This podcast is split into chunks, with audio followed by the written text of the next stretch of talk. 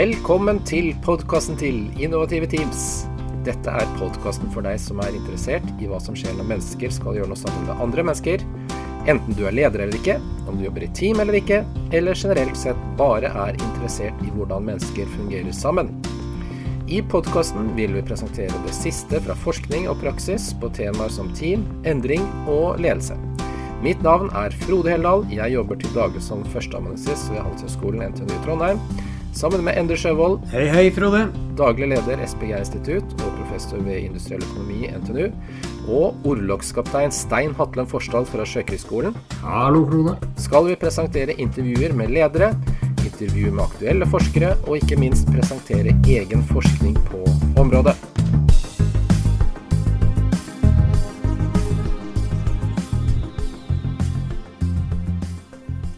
Da har vi kommet til episode fem i vår sommerspesial, som jo da skal handle litt om eh, forskjellige teorier og eh, faglige innganger, for å si det sånn. Um, og vi blir jo ikke mindre ambisiøse med episodene. Denne gangen så skal vi se litt på digitalisering.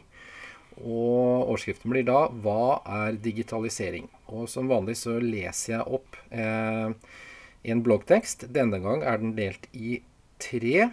Og overskriften er 'Digitalization the greatest dilemma ever'. Del 1. Og da begynner vi med noen kulepunkter som eh, forhåpentligvis da vekker en viss interesse. Første kommersielle elbil eh, kom da i 1897. Smak litt på det årstallet. Internetts fødsel 1967. World Wide Web, grensesnittet til internett vi kjenner i dag, altså, 1993. Ideen om trådløsnett 1907. Første faks 1843. Første bærbare PC 1975. Første laptop 1981. Kunstig intelligens fødsel 1955. Big data lansert 1998. Machine learning fødsel 1959. Smak litt på disse datoene. Overrasket?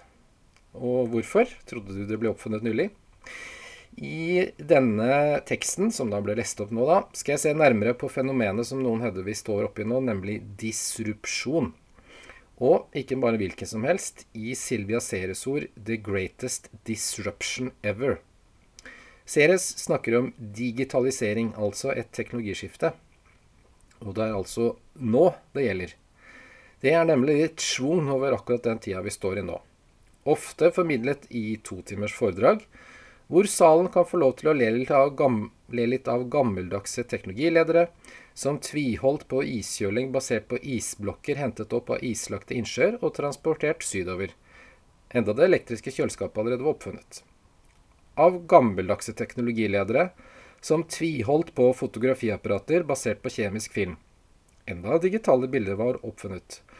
Og videre le litt av gammeldagse teknologiledere som tviholdt på smarttelefoner med fysisk tastatur, enda iPhone var lansert, osv., osv.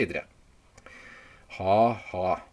Greit nok at vi står overfor en ny, stor disrupsjon, muligens også en av de fire-fem store i menneskehetens utvikling. Men hvorfor skal det være enklere nå? Handlet det bare om at man var dummere før? Et kjent dilemma innenfor forretningsverden som er nært tilknyttet disrupsjon, er Innovators Dilemma, først lansert av Clayton Christensen i 1997. Dilemmaet påpeker det umulige i å ta spranget fra noe du tjener penger på i dag, til noe du per i dag ikke tjener penger på, selv om du vet det er framtiden. Det er nemlig ofte ikke det teknologiske som er utfordringen i form av å forstå hva som skal være fremtiden og hva som er fortiden. Det handler ikke om at lederne er uintelligente. Det holder å se på datoene i innledningen. Det er det strategiske valget i å ta en beslutning om at nå slutter vi med den gamle løsningen vår og går for det nye. Som ofte innebærer å ta et sprang over til noe som ligner, men i bunn og grunn er noe helt annet. Teknologihistorien er full av slike dilemmaer, og eksempler på at man ikke har klart hoppet eller tatt det for sent. Det er akkurat det samme dilemmaet som mange bilister kjenner seg igjen i nå. Problemet ligger ikke om bensin- eller dieseldrevne biler vil bli utkonkurrert av andre løsninger, det er når. Skal jeg skrote den gamle bilen og gå over til elbil, eller vente enda litt til? La teknologi og infrastruktur bli litt bedre først, kanskje? Et viktig kjennetegn ved disruptive teknologier er nemlig ikke bare at de ikke er særlig inntektsbringende i starten, de fungerer også som regel dårligere enn de eksisterende løsningene i starten. da. Både fordi selve teknologien ofte har noen barnesykdommer i gåsehudene som må løses, og fordi enhver teknologi er avhengig av infrastrukturen rundt for å kunne fungere. Dette utvikles gjerne over litt tid, til en vakker dag hvor den nye teknologien fungerer mye i gåseøyne bedre enn den gamle. Og akkurat denne vakre dagen kan nok i noen tilfeller framstå som å komme litt brått på noen. Litt som iPhone når den kom i 2007. Den var langt fra den første smarttelefonen. Nokia 9210 som kom i 2001, hadde alle de samme egenskapene som iPhone. Så hvem ønsker å være lederen som sier at vi skal gå over til noe som både fungerer dårlig og gir lite inntekt? Dette er det originale Innovators dilemma. At ingen vet helt akkurat akkurat når det er lurt, og det fremstår som veldig lite lurt helt fram til det er for sent. I tillegg har ofte mange organisert seg og strukturert seg rundt sine gamle suksesser, hvilket gjør det enda vanskeligere å endre seg. Og det er dette siste som ofte blir litt underforstått i dilemmaet. En distrupsjon handler om å endre atferd, gjøre noe helt nytt. De fleste tenker nok at teknologi handler om ledninger, kretskort, nuller og enere. Eventuelt skruer, muttere, plastikk satt sammen til en ting. Og nemlig teknologi er en ting. Vel, det er flere måter å se på teknologi på. Det vil si, teknologi er jo ting også, men i langt høyere grad handler teknologi om atferd, bruk. Hvordan teknologien blir brukt, eventuelt ikke brukt. Det er i hvert fall det enhver teknologileder må spørre seg selv. Bruno Latour, en kjent teknologiforsker, sa for For technology, every day is a working day. Med det mente han at teknologien aldri var noe i seg selv alene. Det var noe som ble brakt til live gjennom bruk. Og her er poenget disrupsjon avbryter ikke så mye gammel teknologi. Den avbryter gammel atferd. iPhone var f.eks. et viktig bidrag til at smarttelefonteknologien disrupted, hvis det går an å si det, den forrige mobilteknologien som da mest besto i at mobiltelefonene skulle være minst mulig å få plass i en brystlomme. Husker du de tidlige mobiltelefonene som ganske langt ut på 2000-tallet skulle kunne brettes og nesten ikke syns? Poenget er at disse ble brukt på en helt annen måte enn iPhonen. De var usynlige. I dag er mobiltelefonene svært synlige i det meste man foretar seg. Forskjellen ligger nok i en helt annen teknologi, men kanskje enda mer i hvordan den blir brukt dette er en viktig forståelse vi kan ha med inn i det som kanskje blir litt glemt i mange festtaler. Digitalisering handler nok om ny teknologi, men handler vel så mye om ny atferd. Disrupsjoner handler om atferdsendringer. Og atferdsendringer er ikke bare vanskelige, de er rent ut problematiske. Og de tar lang tid. Teknologihistorien viser at disse overgangene fra gammel teknologi til ny tar lang tid og ikke minst at det er mange utfordringer på veien. Og som Bridges sier i 2017, det er ikke endringen som er vanskelig, det er overgangen. Ørkenvandringen til Moses tok 40 år. En ofte litt glemt årsak til dilemmaet er derfor utfordringen som ligger selve overgangen, og ikke den strategiske beslutningen om og når man skal bestemme seg. Det er først og fremst tre ting som er vanskelig her, som alle er knyttet til at vi mennesker er sosiale vesener. For det første. Det første er nettopp det å klare å endre en atferdsvane hvor teknologi inngår. Atferdsvaner er som små rutiner. Du tenker ikke så mye over dem, du bare gjør dem. Og hver gang du gjør dem, forsterker du det nevrologiske mønsteret, eller skriptet om du vil, i egen hjerne. Og enda verre, dette skriptet har ofte tilknytning til andre menneskers skrift, som igjen er med på å opprettholde rutinen. Hvis du slenger en teknologi i denne ligningen, kan det faktisk bli enda verre. Se for deg at duppeditten er noe du eller dere har brukt litt tid på å bli kjent med, lære dere, sammen. Så vil selve duppeditten gjøre endringen enda vanskeligere. Både fordi det er en del av ditt skript, men like mye fordi den befester relasjonene rundt deg. på fint kalt objektualisering av sosiale relasjoner. Og her er kjente forskere eh, noen bakgrunner, f.eks. Latour, Law og mol. Vaner er vonde å vende. Teknologiske vaner er enda vondere å vende. For det andre.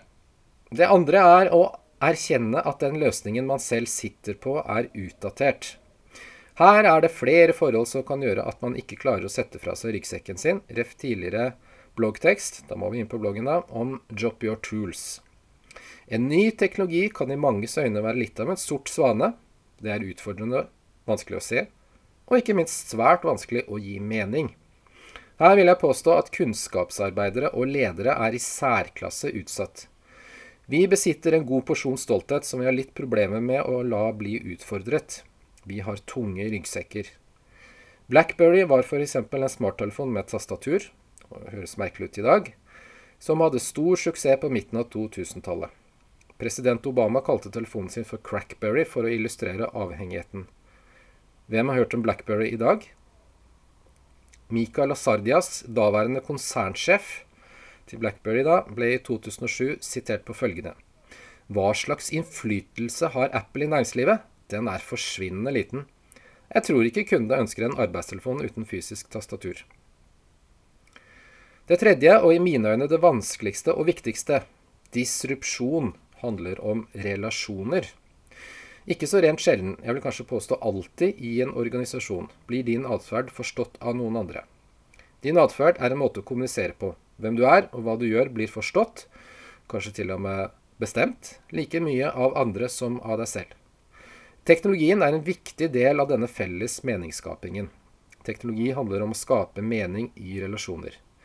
Jerry Purdy, en kjent teknologianalytiker, uttalte i 2013 de, nå skal vi tilbake til Blackberry, hadde et syndrom hvor de var overbevist om at ingen kunne erstatte dem. Det tok for lang tid å utvikle og lansere et konkurrerende operativsystem. Aha, dette syndromet kunne kanskje ligne litt på noe vi kan gjenkjenne som gruppetenking. Vet ikke. Men det er et viktig poeng at Blackberries suksess, for det var en suksess, sannsynligvis hadde gått litt i hodet på flere i organisasjonen, og ikke minst sjefen selv. Like sannsynligvis ble man ikke berømmet for å utfordre sjefens suksess med å påpeke at det faktisk går an å tenke annerledes at det går an å lansere en smarttelefon med gorillaglass og virtuelt tastatur. Litt oppsummert. Det er godt mulig vi står i the greatest disruption ever. Og det er jo spennende!